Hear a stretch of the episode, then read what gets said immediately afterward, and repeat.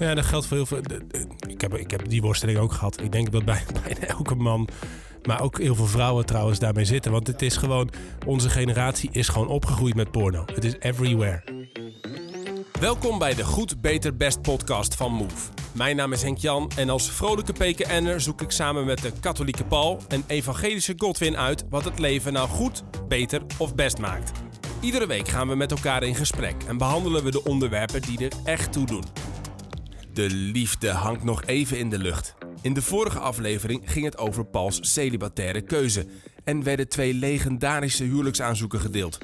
We gaan nu dieper in op het goed houden van je relatie. Hoe ga je goed om met de liefde? En hoe blijf je bij de keuze voor elkaar? Een goed seksleven is daar onderdeel van. En we hebben het ook over de sporen die porno achterlaten. Kortom, we gaan weer eens op zoek naar het goede, betere en beste leven. Veel luisterplezier. Nou, hij loopt weer. Kunnen we nog even één keer een testje doen of die als we weer netjes staan. Even tot 10 tellen, Godwin. Oh, ik dacht dat ik mocht zingen. Dat mag. Ja, Ja, nou, nu, nu ga je ook. Nu ga je zingen. ook ik zingen. denk als ik ga zingen dat mensen de podcast niet meer gaan luisteren. Ga het proberen. Go. Oké, 10 dus gaan we dan.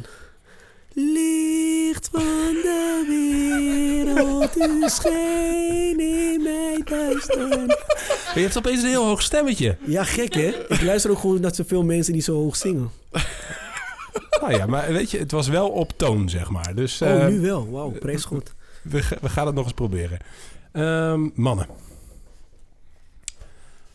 Een nieuwe aflevering over, over de liefde. Hebben we er een beetje zin in?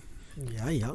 De, voor- de, de vorige aflevering hebben we natuurlijk eigenlijk gehad over, nou, over van alles. Maar eh, met name ook over hoe vind je nou, eh, hoe bepaal je nou de, de, de grote liefde van je leven, zeg maar. Jij hebt, Paul, een hele bijzondere keuze gemaakt door celibatair te leven. Eigenlijk je, je, je leven met Jezus te delen. Eh Godwin en ik zijn allebei getrouwd. Ehm, daar hebben we het over gehad. Eh, hoe, hoeveel jaar ben je nu getrouwd, Godwin? Hoeveel jaar zijn jullie samen? Drie jaar. Drie jaar getrouwd en daarvoor ook al... Daarvoor, uh, ik kende mijn vrouw eigenlijk van de kerk. Maar ik kende haar eigenlijk ook niet. Oh ja. Het was gewoon ja, een zuster van de kerk. En, Ja. de- en daten, hoe lang hebben jullie gedate? Eigenlijk hebben we ongeveer een jaartje gedate. Best wel, je bent na een jaar getrouwd al. Ja, ja, Oké. ja. Nou, cool. Ik ben nu bijna ja, iets van acht jaar samen met Vera. En jij dus iets van vier jaar samen met je vrouw. ongeveer, ja. Ja. En Paul, je hebt je besluit om voor Jezus te gaan in deze context ook zeg maar al 16 jaar Ja. geleden gemaakt. Ja, toen ik 16 jaar oud was. Ja. Nou, dan misschien eh, waar ik op zoek naar ben in, in deze aflevering is... ehm, hoe blijf je bij je keuze? Hoe, hoe hou je dat goed? Hoe hou je die relatie goed, zeg maar? Hoe, eh, hoe zorg je ervoor dat de grote liefde ook de grote liefde blijft? Ehm, eh, misschien is ehm, gewoon goed om er gelijk even, even, even flink in te vallen. Op een gegeven moment, je hebt die verliefdheid eh, heb je ervaren. Je hebt de keuze gemaakt voor elkaar ehm, eh, op een bepaald vlak. Dan komen er op een gegeven moment ook misschien twijfels, scheurtjes, dingen. De, die roze bubbel van het begin, die verdwijnt op een gegeven moment een beetje. Hoe is dat? Ik zie jullie allebei of knikken, Ja, Godwin. Dat, ja. Heb je dat ook zo ervaren op een gegeven moment? Poef? Of, Ja, ehm, ik, ik, ik heb het eigenlijk ervaren doordat je erachter komt dat in elke relatie, en dat hoor je altijd wel, in elke relatie zijn er ook stormen. En je gaat er niet, ja, en dan zeg je ja, tuurlijk, dat is zo, maar bij mij niet in je achterhoofd. Maar ehm, je komt er dan achter dat je eigenlijk best als persoon best wel heel vervelend kan zijn. Zo, jij zit in het begin om mee te leven. Ik kan best wel irritant zijn, ben ik achtergekomen. wat is het meest irritant aan jou, denk je? Ik denk dat het meest irritante aan mij is, is dat ik niet doorheb dat ik irritant ben. Ah. Dus ik kan bijvoorbeeld, ehm, als jij zegt, nou hou eens even op daarmee, vind ik niet leuk. Ja, vind ik gewoon super om te horen. Ga ik lekker door en ehm, bijvoorbeeld, ik hou ook van heel hard muziek spelen. Ah ja. En ik, eh, ik pomp gewoon overal vet hard muziek. En soms vinden mensen dat niet leuk. Ja. Als je bij me in de auto zit, ja, soms heb je dan even pech. Want ik, en dat, dat irritant zijn had ik gewoon niet door. Nee. Dus op een gegeven moment kom ik erachter dat ik ben niet altijd grappig. Ik ben niet altijd leuk. Soms ben ik ook gewoon vet irritant. En nu moet mijn vrouw leven met iemand die gewoon elke dag irritant is. ja, dus uiteindelijk kwam ik erachter, oké, dus zo, zo leuk is dat toch niet. En dan moet je gaan leren, oké, hoe ga je daarmee om? Ehm, en dan, dan moet je daar aanpassingen gaan brengen. Je moet verandering brengen. Je moet rekening gaan houden. Je moet bewust gaan kiezen of je vandaag dit of dat wel of niet gaat doen. Maar wat is, want ik vind het wel grappig, want ik vroeg je om wanneer, wanneer, wanneer is die bubbel, zeg maar, wanneer raakt die doorprikt? En je begint eigenlijk gelijk over eh, je, je eigen aandeel daarin, hè? Je, Ja, je- jezelf. klopt, terwijl je ook zou kunnen zeggen, ja, die vrouw van mij kwam er op een gegeven moment achter, die laat allemaal windjes in bed. Ik weet er helemaal, weet ik veel, hè? Ja, ja, ja, ja. Nee, wa- waarom doe ik dat? Ik denk omdat ik heel bewust ben van... ehm, ik leer mezelf beter kennen. Nou ja. Doordat ik in een huwelijk zit. En was dat dan, da- dan realiseer je dus, bij jou was het dus meer, zeg maar, die roze bubbel werd doorprikt, omdat je op een gegeven moment begon te realiseren, ja, ik, moet ook met mezelf leven. En zij moet ook met mezelf leven. En, die, en ook met de, de vervelende eigenschappen. Precies, ja. Eigenlijk ben ik helemaal niet zo leuk als ik dacht. Nee. Dat, dat, daar kom je dan achter. En bij jou, eh, Paul, jij kiest op je zestiende om je hele leven eigenlijk aan Jezus te geven. Ja. Ehm, en, eh, was dat eigenlijk een soort van, van eh, roze bubbel waar je in zat? Of roze ballon? Wat, ja, roze bubbel. Ehm, nou, misschien wat wel een verschil is ten opzichte van als je een relatie, als ik bijvoorbeeld gewoon een relatie aangaan was met een vrouw, is eh, zeker om je heen, me- mensen, mensen blijven er van, van wow, weet je wel. Hmm. Van, eh, aan de ene kant ben je ook, ik ben ook gewoon net zoals heel veel mensen in de zin van qua dagelijkse beleving, dingen die ik leuk vind. Maar je hebt ook een keus gemaakt die, die, de- die, die je ook op scherp zet. Hmm. En niet op een verkeerde manier, maar zeker bijvoorbeeld om mijn twintigste kwam ik in Nederland wonen. Nou, dan kom je eerste dag op je studie. En dan ben ik ook niet iemand die op de eerste dag van mijn studie meteen vertelt van zo zit mijn leven in elkaar. Ik vertel het aan mensen die ik wat beter ken. En... Maar op een gegeven moment vertel je het wel. En ja, de meeste mensen hebben er nog nooit van gehoord. En, ehm, en ook mijn studententijd, ik heb ook gewoon heel veel lol gehad, maar is toch anders. Hm. Hè? Want er zijn bepaalde dingen waar je wat behoedzamer in bent. Er zijn bepaalde dingen die je... Je hebt al best wat verantwoordelijkheid in je leven gekozen. Ehm, dus dat maakt je al heel bewust, om het zo te zeggen, van, van waar je mee bezig bent. Ja, dus dan wordt die, die keuze die je op je zestiende in overtuiging gemaakt hebt, die wordt op een gegeven moment wel wat zwaarder. Die, die krijgt kantjes eraan die je misschien niet helemaal hebt kunnen voorzien of zo. Ja, of, of het is eigenlijk al vanaf het begin. Hè? Bijvoorbeeld ehm, toen ik 16 was en die keuze maakte. Ja, ik, ik, ik had veel vrienden. Ik had ook vriendinnen. Maar ik merkte vanzelf dat ik ook met, met die vriendinnen ook wat, wat discreter was. Wat minder initiatief nam om af te spreken. Want ja, je hebt toch gewoon je hart gegeven aan Jezus. En, en zeker aan het begin zoek je ook nog je weg daarin. En je wil, Ja. je, je wil ook niet meteen... eh, ik weet niet. Dus vanaf het begin ben je al... Ben je, het is gewoon... Ja, hoe moet ik dit zeggen? Ehm, je hebt ook niet heel veel luxe om in een roze bubbel te leven. Tegelijkertijd, qua gevoelens, qua zekerheid, eh, qua genieten van, van het leven dat ik had. Ja, dat heb ik echt wel ervaren. Dus vanuit dat perspectief zat ik wel, noem het een bubbel, noem het hoe je wil. Ja, Hm. dat alles een beetje vanzelf ging toch. Ja. En dan komt een keer de eerste, bijvoorbeeld, ik kan me herinneren dat ik een aantal jaren, een aantal jaren later, ik was, eh, ik was even kijken hoe oud was ik, ja, 18 of 19. Toen was ik bij een evenement en daar was een, een, een meisje op wie ik eerder verliefd was geweest. En opeens zag ik haar weer en pat, dat raakte heel hard mijn hart. Weet je wel, gewoon bam. Ja. Gewoon, je zocht niet om maar bam, weet je wel. En is, is, is dan helemaal shit, weet je wel. Dat, dat, waarom moet ik nu weer even door, de- waar moet ik hier doorheen? Weet je, Ja. dat wil ik helemaal niet. Nee. Uh, ja, en dan is toch weer even doorbijten. Dat Hoe, is, hoe, hoe, ja, even doorbijten. Maar loop je daar dan een dag mee, een week mee, een maand, een jaar mee? nou, deze, de- de- dit was ook niet... Dit duurde misschien een, een maandje. Nee, dat, dat, dat je merkt van dat je wat vaker daarna denkt... en dat je merkt dat je soms wat zwaarmoediger bent. Maar het eerste wat ik dan doe is... ik, ik, ik vertel het in de, in de, bijvoorbeeld aan mijn geestelijke begeleider. Ik vertel Ja. het gewoon. Dat is het eerste. Ja. Hè, van meteen even eruit gooien. Niet, niet voor mezelf, als het gaat knagen, dan, dan gaat het gewoon meteen vertellen. En dan, dan zeggen ze je van, yo, maak je geen zorgen. En ik probeer dan ook gewoon bijvoorbeeld wat vaker eh, even naar met, met Jezus te zijn, even te bidden. Dus even weer even mijn hart, hè, zonder te forceren, want het heeft tijd nodig, maar mijn hart de goede richting op. Ja. Dus niet, niet, want ja, je, je kan ook heel de dag op, op bed blijven liggen en een beetje blijven over zuchten en, en, en met roze verhaaltjes in mijn hoofd, eh, weet je wel. Maar ja, dat, dat lost het probleem niet op, Ja. weet je. Dat, dus ja, dan leer je Wel wel best van... al wel knap als je 18, 19 bent dat dat gaat, dat dat lukt of zo.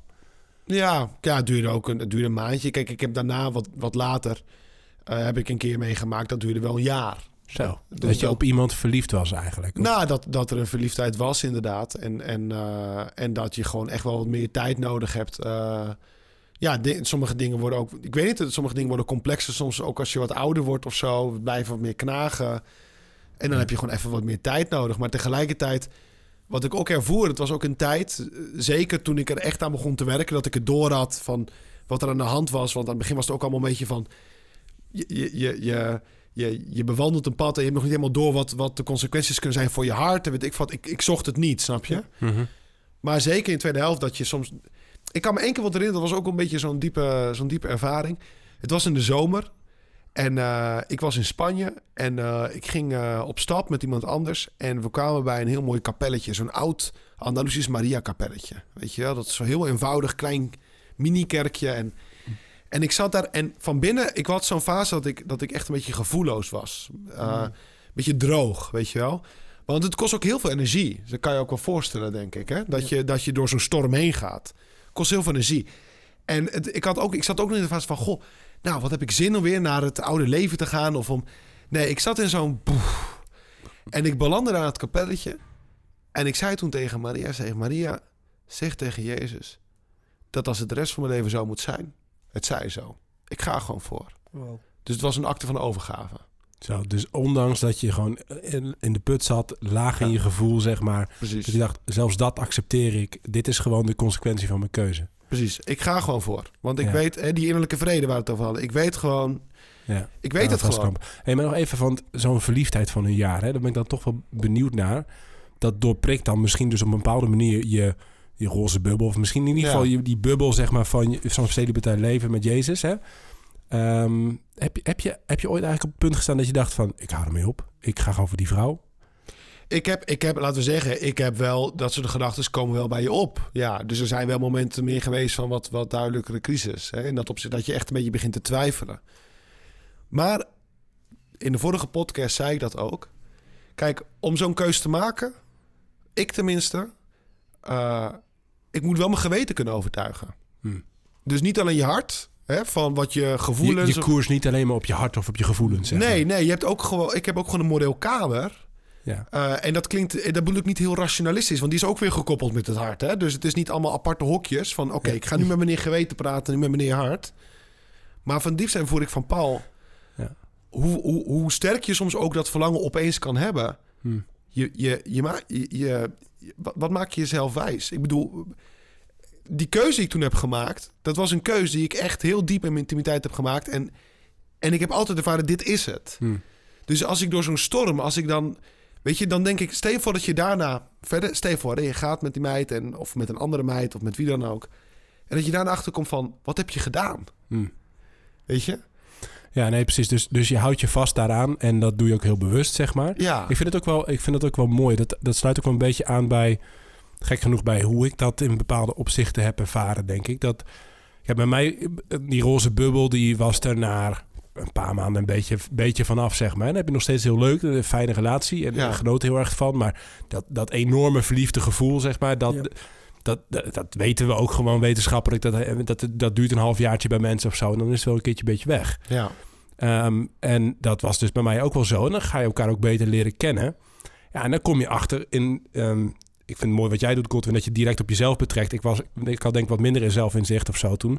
Ik was meer bezig met van, hey, vind ik, wat, vind ik van, dit, van, van haar, zeg maar. Zeg maar in bepaalde Ja. opzichten. Ik liep ook wel tegen mezelf aan, maar vooral van, hey, vind ik dit chill aan haar of niet? Ja, ja. En ik weet, weet je, ehm, zij was toen, zij is een stukje jonger dan ik. En ze was soms best wel warrig of eh, gewoon dingen die ik, die ik dan irritant of lastig vond. Zo waren er een paar karakter, karaktereigenschappen. Gewoon je begint door te krijgen hoe iemand in elkaar zit. Ja. En ik weet dat er gewoon een aantal momenten zijn geweest dat ik heel bewust heb gekozen en gezegd: is dit make of break? Mm. Eigenlijk zo hard naar mezelf, zeg maar, kan ik hiermee leven voor de rest van mijn leven? Eh, eh, eh, of niet? Ja. En als Ja. het antwoord niet was geweest, dan had ik beter kunnen afkappen, zeg maar. Als het dan, was, als het dan Ja. zeg- dat, zeg maar. Dus best wel... eh, ik, hield, nou, ik denk dat ik best wel van de, aan het houden was op dat moment. Dat dat aan het groeien was. De verliefdheid die was er geweest en nog steeds wel. Maar ook dingen waar je tegenaan loopt. En ik denk dat ik heel bewust... En daar ben ik er best wel blij mee geweest. Dat ik dat gewoon ook gewoon naar mezelf op die momenten heb gezegd. Oké, hoe zit deze vrouw in elkaar? Nou, zo ongeveer. Dit is waarschijnlijk hoe ze dan voor een deel voor de rest van haar leven zal zijn. Kan ik daarmee leven of niet? En elke keer was het antwoord, ja, kan ik wel mee leven. Ja. En ehm, niet omdat het dan, dat dan per se weg is... of dat, het dan, dat je daar dan nooit meer aan irriteert... maar wel dat ik dacht, oké, eh, ja, ze is dit. Ja, ze is misschien warrig. Of ja, ze vergeet de sleutels elke dag. Of Of ook groter dan dat, hè. Maar eh, ze is ook lief en ze is ook mooi en ze is Ja. betrouwbaar en ze is, eh, en ze is creatief. En weet ik veel, allemaal, al die dingen die ook blijven zien. Gewoon die, die, die aantal dingen die belangrijk voor je zijn, die, die waren belangrijker dan de dingen die ze niet bracht. Of Ja. de dingen Ja. die vervelend waren in de relatie. Maar dan heb ik toch even een vraag. Ehm, want dat is misschien in mijn geval iets, iets minder goed te onderscheiden. Maar eh, laten we zeggen, er zit natuurlijk een fase van verkenning van een Mhm. relatie. Ja. En dan zit er ook een moment, tenminste als ik kijk ook gewoon een beetje naar het, het, het klassieke beeld van, van, van een christen en het huwelijk. Dat er komt ook een moment dat je zegt, oké, en, nu, en nu komt het moment dat we zeggen, ik kan hem even, nu gaan we voor. Weet je Ja. wel? Hè, dus dus eh, in mijn geval is dat misschien iets minder duidelijk één moment geweest. Maar ik kan wel zeggen, ja, op een gegeven moment wist ik ook wel van... oké, Paul, ik bedoel, je kan nog meer jaren wachten... maar Ja. op een gegeven moment moet je ook gewoon definitief een keus maken. Nee, dus bij mij heeft dat denk ik een jaar of twee geduurd Ja. of zo. Dat, dat, dat, dat je van de eerste verliefdheid naar gewoon een leuke relatie gaat. Ja. En, en elkaar dus leert kennen en verkent. Je, je Ja. bent echt een beetje aan het verkennen. En elke keer besluit, oké, gaan, we stap, gaan we stap verder of niet? En op een gegeven moment ben ik het met je eens. Had het vorige aflevering ook over. Ja, dan komt het moment dat je wel gaat zeggen... Hey, willen we echt, een, echt op de lange termijn een, een commitment naar elkaar maken of niet? Ja, En dan is mijn vraag even... want ik, in een, als je in een relatie zit waar dat commitment nog niet is... dan kan het zijn dat je op een gegeven moment echt twijfels hebt... en dan kan, kunnen beide opties heel legitiem zijn. Ja? Dat is denk ik... eh, maar hoe is het voor jullie? Hebben jullie eenmaal getrouwd? Ik bedoel, dus ook een intieme vraag. Hè? Dus ik weet ook niet of je er wel op ingaan. Eenmaal getrouwd, heb je dan twijfels gehad? Hoe ben je daarmee omgegaan? Want dat is denk ik Hmm. misschien nog, nog interessanter. Ja, ik, ik denk, en dat is een hele mooie vraag eigenlijk, want ehm, ik, ik geloof dat iedereen die twijfels wel heeft. Ook als je getrouwd bent in een huwelijk zit. Ehm, waarom zeg ik dat? Er zijn momenten geweest dat ik mezelf daar afvraag, maar ja, ben ik dan wel een goede man voor mijn vrouw? Als ik deze karaktereigenschappen heb die niet altijd even fijn zijn.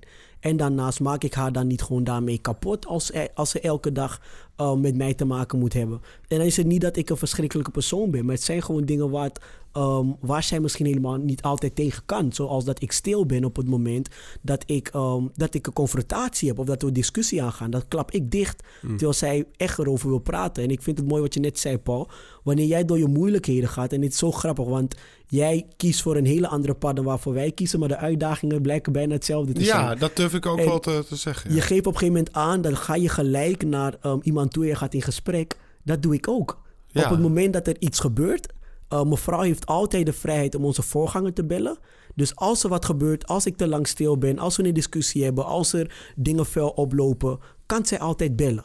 Ze Ja. belt, we gaan een gesprek aan. En dat is de manier waarop, en ik denk dat heel veel christenen um, zichzelf een beetje afsluiten van vormen van therapie. Want het is altijd een soort van, um, ik weet niet, ja, een soort taboe. Van als je, vooral Ghanese ook, en, en, en als je naar therapie gaat, dan ben je gek. Daar lijkt het Ja. bijna op. Terwijl de gesprekken die wij hebben met ons voorganger, is ook gewoon een, een therapeutisch gesprek. Waarom heb je gedaan wat je deed? Hoe komt het dat je dat hebt gedaan? Ehm, wat ervaar je als je dat doet? Weet je, en dat soort gesprekken zorgen er wel voor dat ik iedere keer weer terugkom naar het feit van... oké, de manier waarop ik mij gedraag en hoe ik, mij, um, um, uh, hoe ik mijzelf opzet... is niet altijd even goed.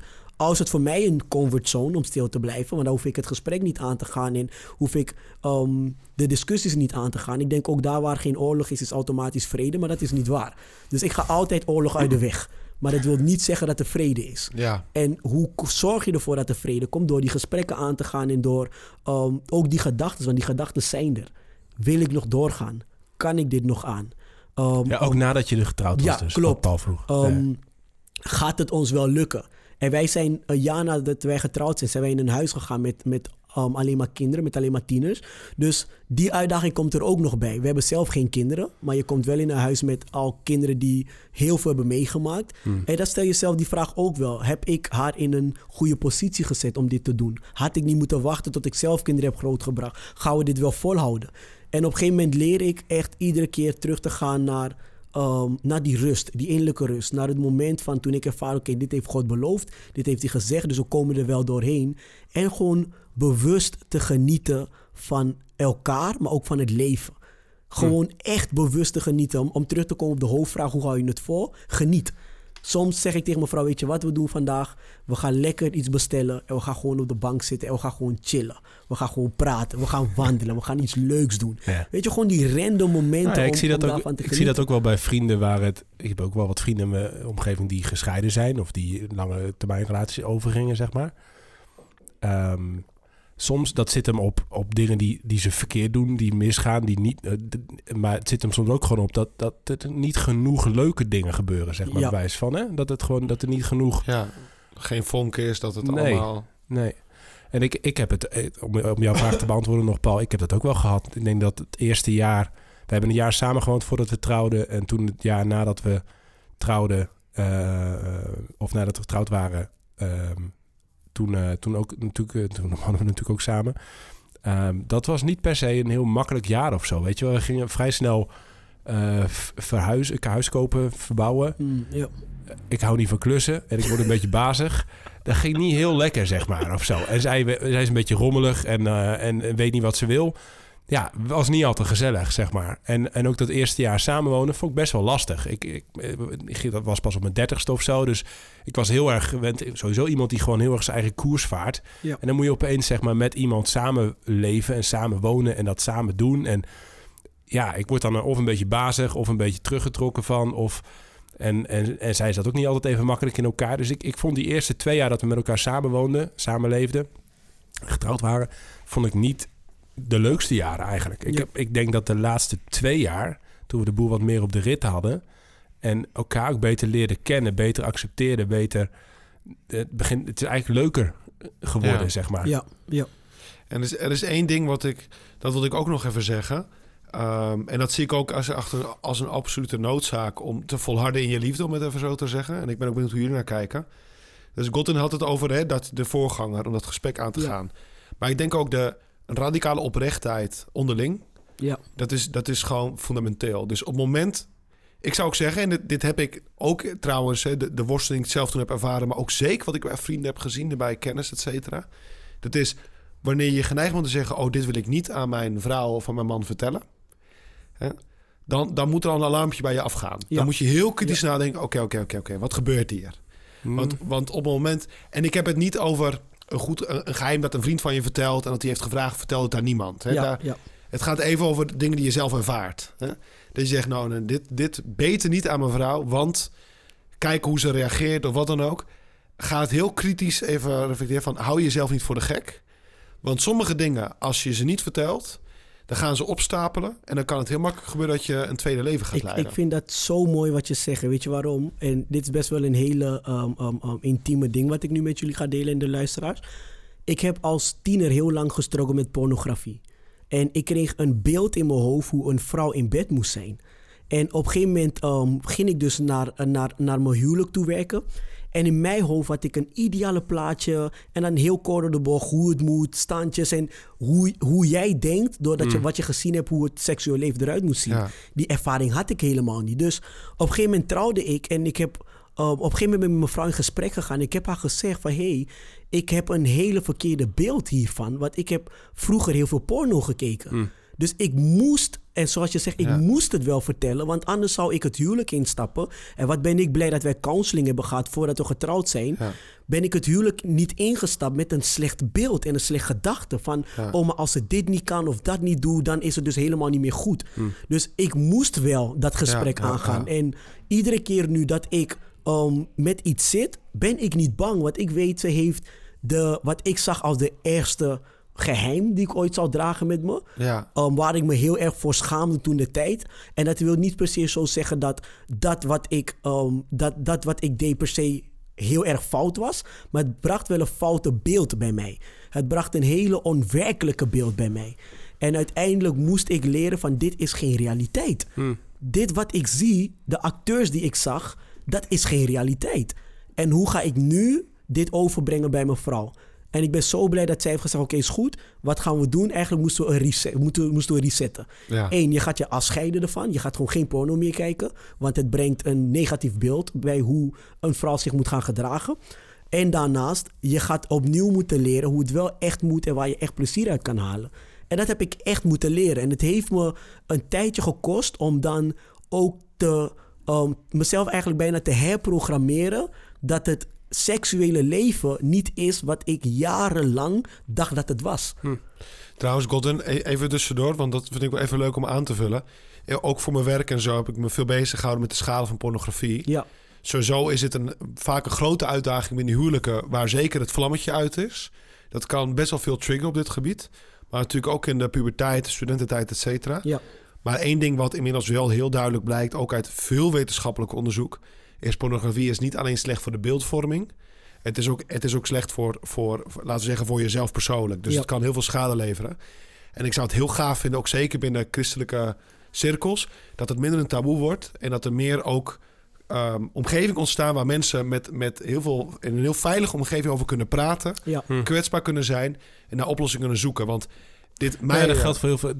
Ik heb, ik heb die worsteling ook gehad. Ik denk dat bij, bijna elke man maar ook heel veel vrouwen trouwens daarmee zitten. Want het is gewoon, onze generatie is gewoon opgegroeid met porno. Het is everywhere. Ja. Weet en je ook wel? een beetje met porno, ja, dat is, dat is prima. Dat maak je, dat maak je meer een man. En dan is dus gebleken, nou, dit, is, dit, is, dit is heel tricky. Ja, en het is, het is dus ook, wat je zegt, het is volgens mij, voor mij in ieder geval ook niet, maar het is niet in één keer, dat doe je niet meer of zo. Daar moet je bewust mee bezig zijn. En dat, dat gaat ook met, nou, uh, het gaat ook niet altijd even makkelijk. Um, en dat geldt ook voor vrouwen. We hebben laatst uh, een podcast, dit is natuurlijk een podcast van Move, we hebben laatst een heel mooi portretje gemaakt van een jonge vrouw die deelt dat ze daar ja, nog steeds ja, klopt. elke dag mee, of uh, regelmatig mee, mee ja. worstelt en mee bezig is. En dat voor heel veel mensen geldt.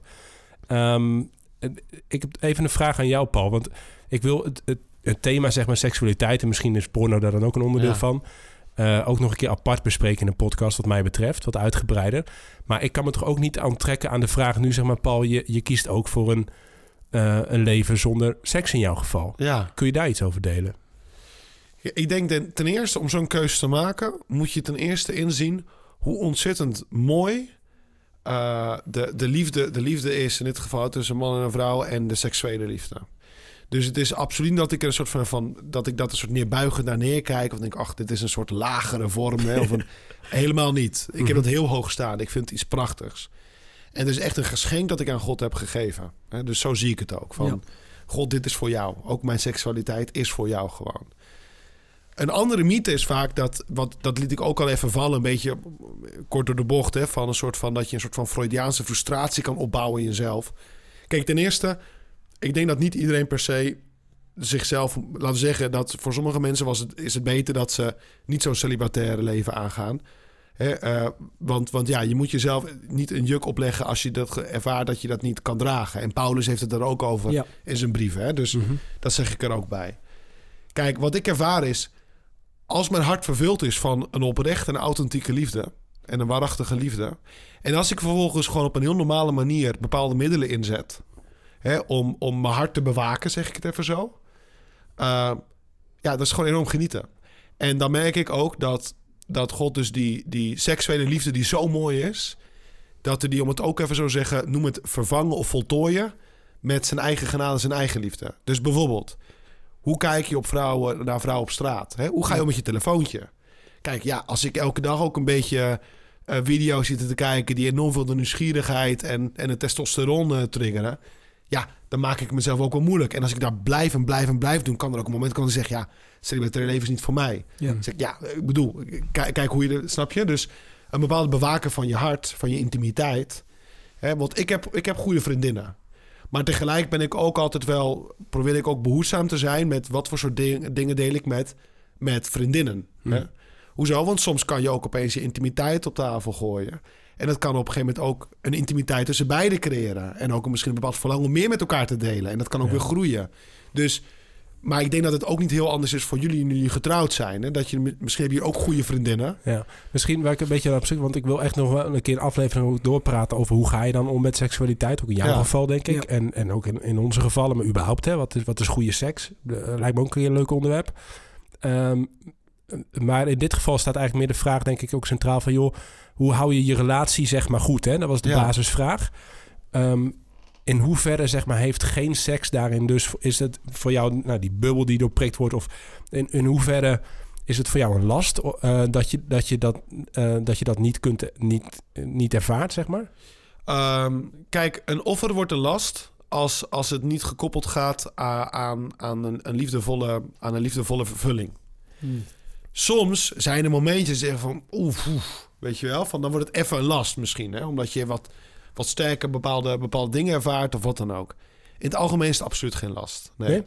Nee, maar, maar dat komt ook, dat is niet een passief gegeven. Hè. Dat komt ook wat ik eerder zei. Het is geen last als, laten we zeggen, ik heb mijn, geven, mijn leven gegeven aan een persoon. Niet aan een idee of aan een boek. Ja. Aan Jezus Christus. Dat is één ding. De tweede, eh, ik heb mijn leven gegeven uit liefde. Niet, nou, ik leef me eens even zo, zodat ik meer tijd heb om andere dingen te doen. Nee, nee, nee, nee. nee. Ik heb mijn leven gegeven uit een, uit- vanuit een, een liefdevolle relatie met een persoon. En als ik gewoon goed werk aan die relatie... en als ik ontvankelijk sta voor de genade die die persoon geeft... Hè, eh, dan, dan komt het goed. Ja, nou, ik vind, dat vind ik wel bijzonder hoor. Want Maar het is ook een genade, hè? Ja, nee, precies. Want het is, dus het is een roeping en een genade, zeg maar. En dan op het moment dat je die relatie blijft voeden, vormgeven... Ja. dan is het dus niet een last voor jou. Dus het is niet zo wat veel mensen denken... die heel veel mensen zijn heel veel met seks bezig, hè. Ja. Ehm, eh, bij mij verschilt het eh, heel erg per periode, denk ik. Maar, ehm, maar ik denk dat voor heel veel mensen heel lastig voor te stellen is... dat, dat het geen last wordt, zeg maar. Maar Ja. hoe je het nu schetst, vind ik wel, ja. Ja. vind ik wel mooi. Het, het, hij schetst het zelf als, als ik dan terugkijk naar de Bijbel, dat hoe Jezus praat over de Vader. Van mijn wil is om de wil van de Vader te doen. Hm. Weet je, en ook heel gek, maar Jezus, die heeft ook zo geleefd. En die heeft er ook voor bewust voor gekozen om... Hij zei ook op een gegeven moment van... eh, Vader, laat deze beker mij voorbij gaan. Maar niet mij wil, maar u wil geschieden. Dus eh, eigenlijk breng je mij terug gewoon simpelweg naar de verhalen van Jezus. Hoe hij daarmee omging. Hoe hij ervoor heeft gekozen om, om zichzelf af te zonderen. Een leven te leiden waar hij niet ehm, zichzelf centraal zette, maar de vader centraal zette. En ja, eigenlijk ook heel gek, maar wel zichzelf, maar weer niet. Ja. Maar waarin hij kiest om te zeggen, nou, ik ga niet doen wat ik graag wil en wat, wat ik zelf wil doen, maar ik doe iets omdat ik het uit liefde doe. En omdat ik ook die genade heb om het te kunnen doen. Dus ik vind dat wel echt heel mooi. Hoe, hoe eh, want dan even terug zeg maar naar, naar, eh, naar jou bijvoorbeeld, Godwin. Hè? De Ja. afgelopen drie jaar dus getrouwd. Je zei, je hebt veel over, je- over jezelf geleerd. Ja, Wat zijn de, de, de grootste dingen waar jullie als, als stel misschien tegenaan zijn gelopen? Ehm, ik denk dat de grootste dingen waar wij als stel tegenaan zijn gelopen zijn onuitgesproken verwachtingen. Oh ja. En dat zijn eigenlijk dat je ervan uitgaat dat omdat, zij, omdat ze mijn vrouw is of omdat ik haar man ben, dat ik daar wel rekening mee zal houden. Of dat ik iets wel zal begrijpen, of dat ik iets wel zal doen, of dat zij iets wel zal doen. Dus je verwacht iets van elkaar, wat je niet altijd uitspreekt, omdat je het vanzelfsprekend vindt. Een simpel voorbeeld. Ehm, stel dat mevrouw uh, met de trein zou komen en ik zou eh, de auto instappen en haar gaan halen van het station en ik doe dat niet. Weet je, eigenlijk verwacht je van elkaar wel, zonder dat te zeggen, dat je dat wel zou gaan doen. Dus ik denk dat ehm, die verwachtingen die men niet uitspreekt, en dat hadden wij dan, dat dat echt is gaan botsen bij ons. ja. Ja, En op, op, op welk vlak, want je zegt een voorbeeld, maar wat verwacht... Simpel- Sorry, simpel we, we schenken even wat water Ja. in. Maar wat, wat verwachtte jij? La, la- laat me het even een, een heel concreet voorbeeld geven. Een van de kinderen thuis die ehm, had een grote mond tegen mijn vrouw. Mhm. En zij verwachtte op dat moment ook dat ik dan zou ingrijpen en wat zou zeggen en zou Ja. doen. Had ik niet gedaan op dat moment, omdat ik het... ehm, ik vond het op dat moment niet nodig. Want ik had zoiets van, yo girl, you handling this good. You got this. Dus ik, had het, ik vond het niet nodig om wat te zeggen erover. Ja. Terwijl zij wel had verwacht van... hé, hey, ik verwacht toch wel een beetje meer steun van jou in deze situaties. Maar in ieder geval zorgen dat je levelt dus. Dat je op één... Ja, maar ook gewoon die verwachtingen uitspreken. Al Ja. is het voor jou heel, echt vanzelfsprekend, weet je? Ja. Ik denk omdat we alle twee uit twee verschillende um, achtergronden komen, omgevingen komen. Ik ben um, simpelweg, ik kom uit een gebroken gezin, zij niet. Mhm. Dat zijn al twee hele totaal andere werelden. En nu kom je bij elkaar en zij verwachtingen van bijvoorbeeld hoe haar vader met haar moeder omging. Maar ik, ik heb dat helemaal niet gehad. Dus dat soort verwachtingen kan ik ook niet tegemoet komen. Al is het voor haar zelfsprekend als zij dat niet uitspreekt naar mij toe. Ja, dus je, je moet elkaar ook de ruimte gunnen om te leren. En dat kan alleen maar... Je, je kunt dat niet ruiken van elkaar. Daar kwamen we ook wel achter. Je moet het wel uitspreken. Ja. Ja. Eh, misschien goed om even... Want ik heb ook nog wel een paar dingen waarvan ik denk... Nou, dat heeft ons wel geholpen, zeg maar. Of wat ik ontdekt heb in de afgelopen jaren. Maar even samengevat tot nu toe zeggen we... In ieder geval... ehm, zorgen dat die verwachtingen uitgesproken zijn. Ja. Zorg überhaupt gewoon dat je, dat je goed communiceert, zeg maar. Hè?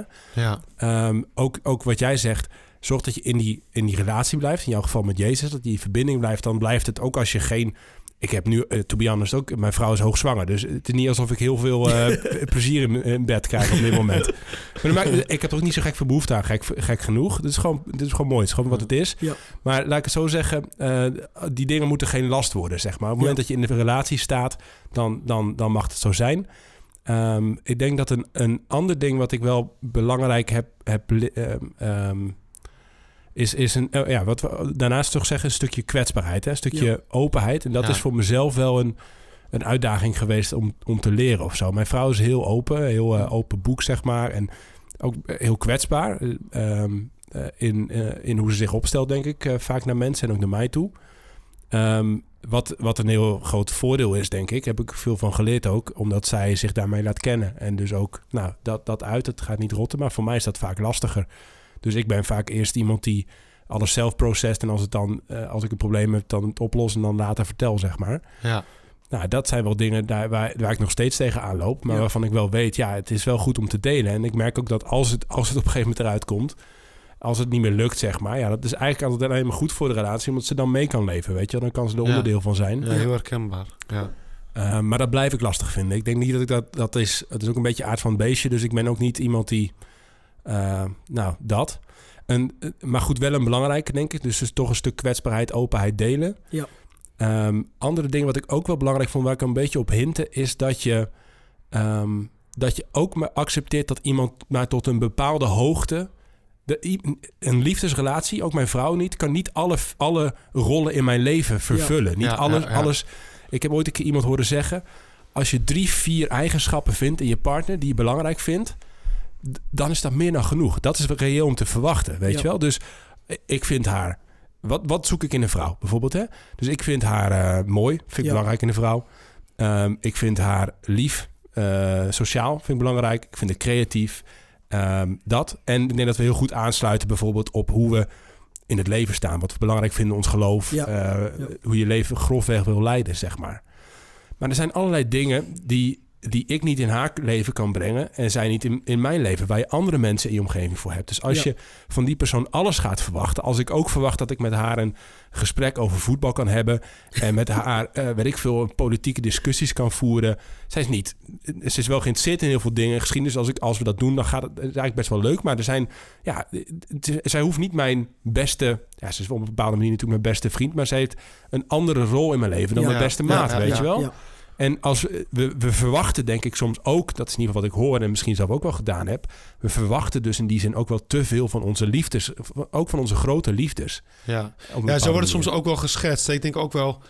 We zijn afgelopen jaren ook wel eens in Hollywood en zo, weet je wel. Dan, dan krijg je het idee van... Dat, er is een moment dat ze bij elkaar zijn... en dan maakt de rest eigenlijk geen fuck meer uit. Nee, Hè? precies. Ja. Van, want we zijn met elkaar en alles komt goed... en we kunnen Ja. alles van elkaar verwachten.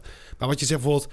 de kwaliteit de- dat je je vriendschappen onderhoudt. Dat Ja. je een waardevol Ja. beroepsleven hebt. Hè? Dat je, dat je de, de relatie met je eigen familie onderhoudt. Zo belangrijk. Ja. Ja. En ik wilde, ik wil dan ook nog even zeggen, want dat vond ik een hele goeie. En dat heb ik ook gezien dat dat soms echt eh, tot problemen heeft geleid in relaties.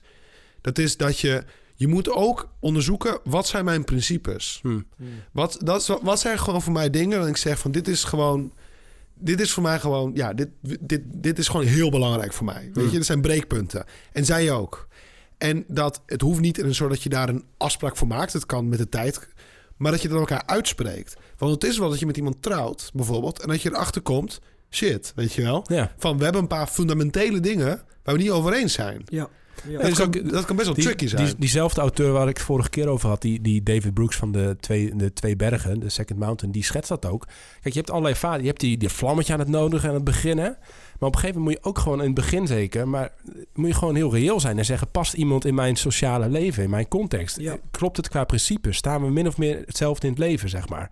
Ehm, maar misschien ook goed de vraag te stellen nog, zeg maar, van, hey, hoe belangrijk is God in die relatie, Ja, zeg maar? Hoe, hoe kijk je daarnaar, Godwin? Ik denk als ik getrouwd was met iemand die God niet belangrijk vond, dat ik ehm, heel veel problemen zou hebben die ik nu heel makkelijk kon oplossen.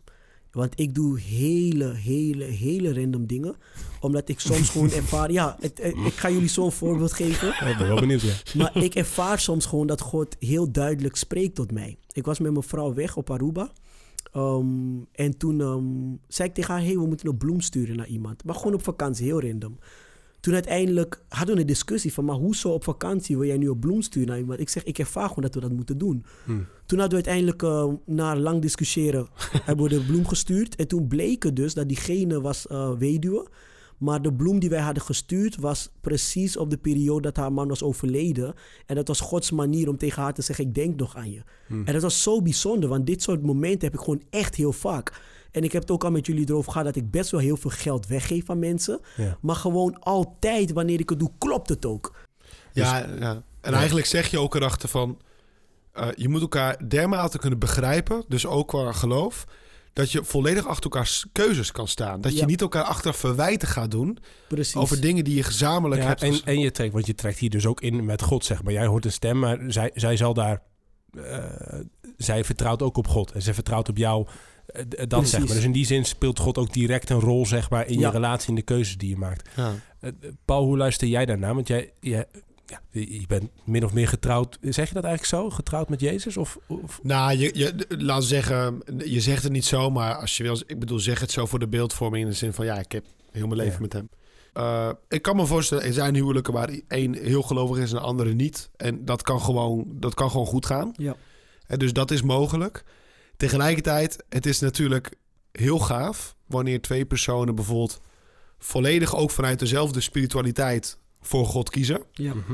Uh, want dan kan je gezamenlijk kan je, kan je nog mooiere keuzes maken, omdat je nog meer het samen kan doen. Dus wat Godwin zegt, dat, dat, ik denk dat het heel mooi is. En ik denk dat het enorm verrijkend is uh, voor de liefde. Absoluut, ja. Ehm, nee, ik denk dat, dat, dat God speelt ook in onze relatie wel een belangrijke rol. Ik denk dat het ook, ook helpt gewoon dat we bijvoorbeeld samen bidden. Ja. Dus, dus dat we... Um, soms dan merk ik zelf bijna dat ons gebed een manier is om tot elkaar te praten. Ik weet niet of dat goed is.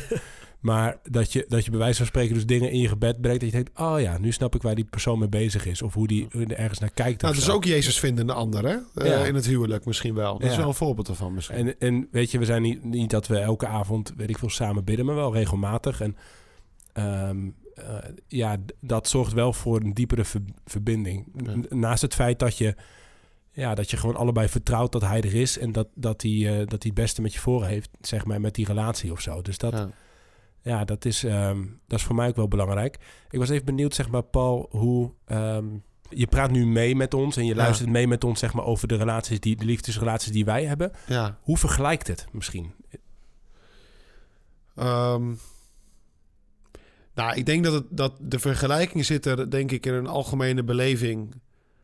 Uh, bijvoorbeeld hè, het idee dat je momenten hebt dat de dingen makkelijker gaan, dat je de stormen hebt, hè, dat je de ups en downs hebt. Uh, dat is vergelijkbaar. Ik denk dat het ook vergelijkbaar is in, in de mate van, van hoe je met je eigen, laten we zeggen, hoe je die relatie moet bewaren en bewaken op Mhm. een bepaalde manier. Ik denk dat het daar ook wel te vergelijken is. Het is denk ik ook wel te vergelijken in de zin van als je niet actief werkt aan die relatie, ook door middel van dialoog, affectie. Hè? Dus bijvoorbeeld gewoon ook aan Jezus zegt, Jezus, ik hou van je. Jezus, wat ben je toch fantastisch. Weet Mm. je? Ik zeg hem niet dat hij een knapperd is of zoiets. Weet je, dat, dat is niet de taal van de liefde van Ja. mij tot Jezus. Dat is, Nee. zeg ik wel tegen Maria, Ja. de mooiste moeder van de wereld. Geef je cadeautjes? Heb je andere talen van de liefde? Ja, cadeautjes. Maar cadeau, ja, een cadeautje kan zijn bijvoorbeeld van, van een, een, een bloem kopen en die in de kapel neerleggen. Maar het Ah, kan ja. ook zijn een klein offertje doen. Oh, Ja. Hè? Ja. Dat je bijvoorbeeld zegt van, eh, nou, in de geest van de vaste tijd, maar ook daarbuiten. Dat je gewoon zegt, weet je, ik sla het biertje even over en dat doe ik, dat doe ik gewoon, Jezus, als een geschenk aan jou. Krijg je cadeautjes? Ja, Ja, zoals? ja.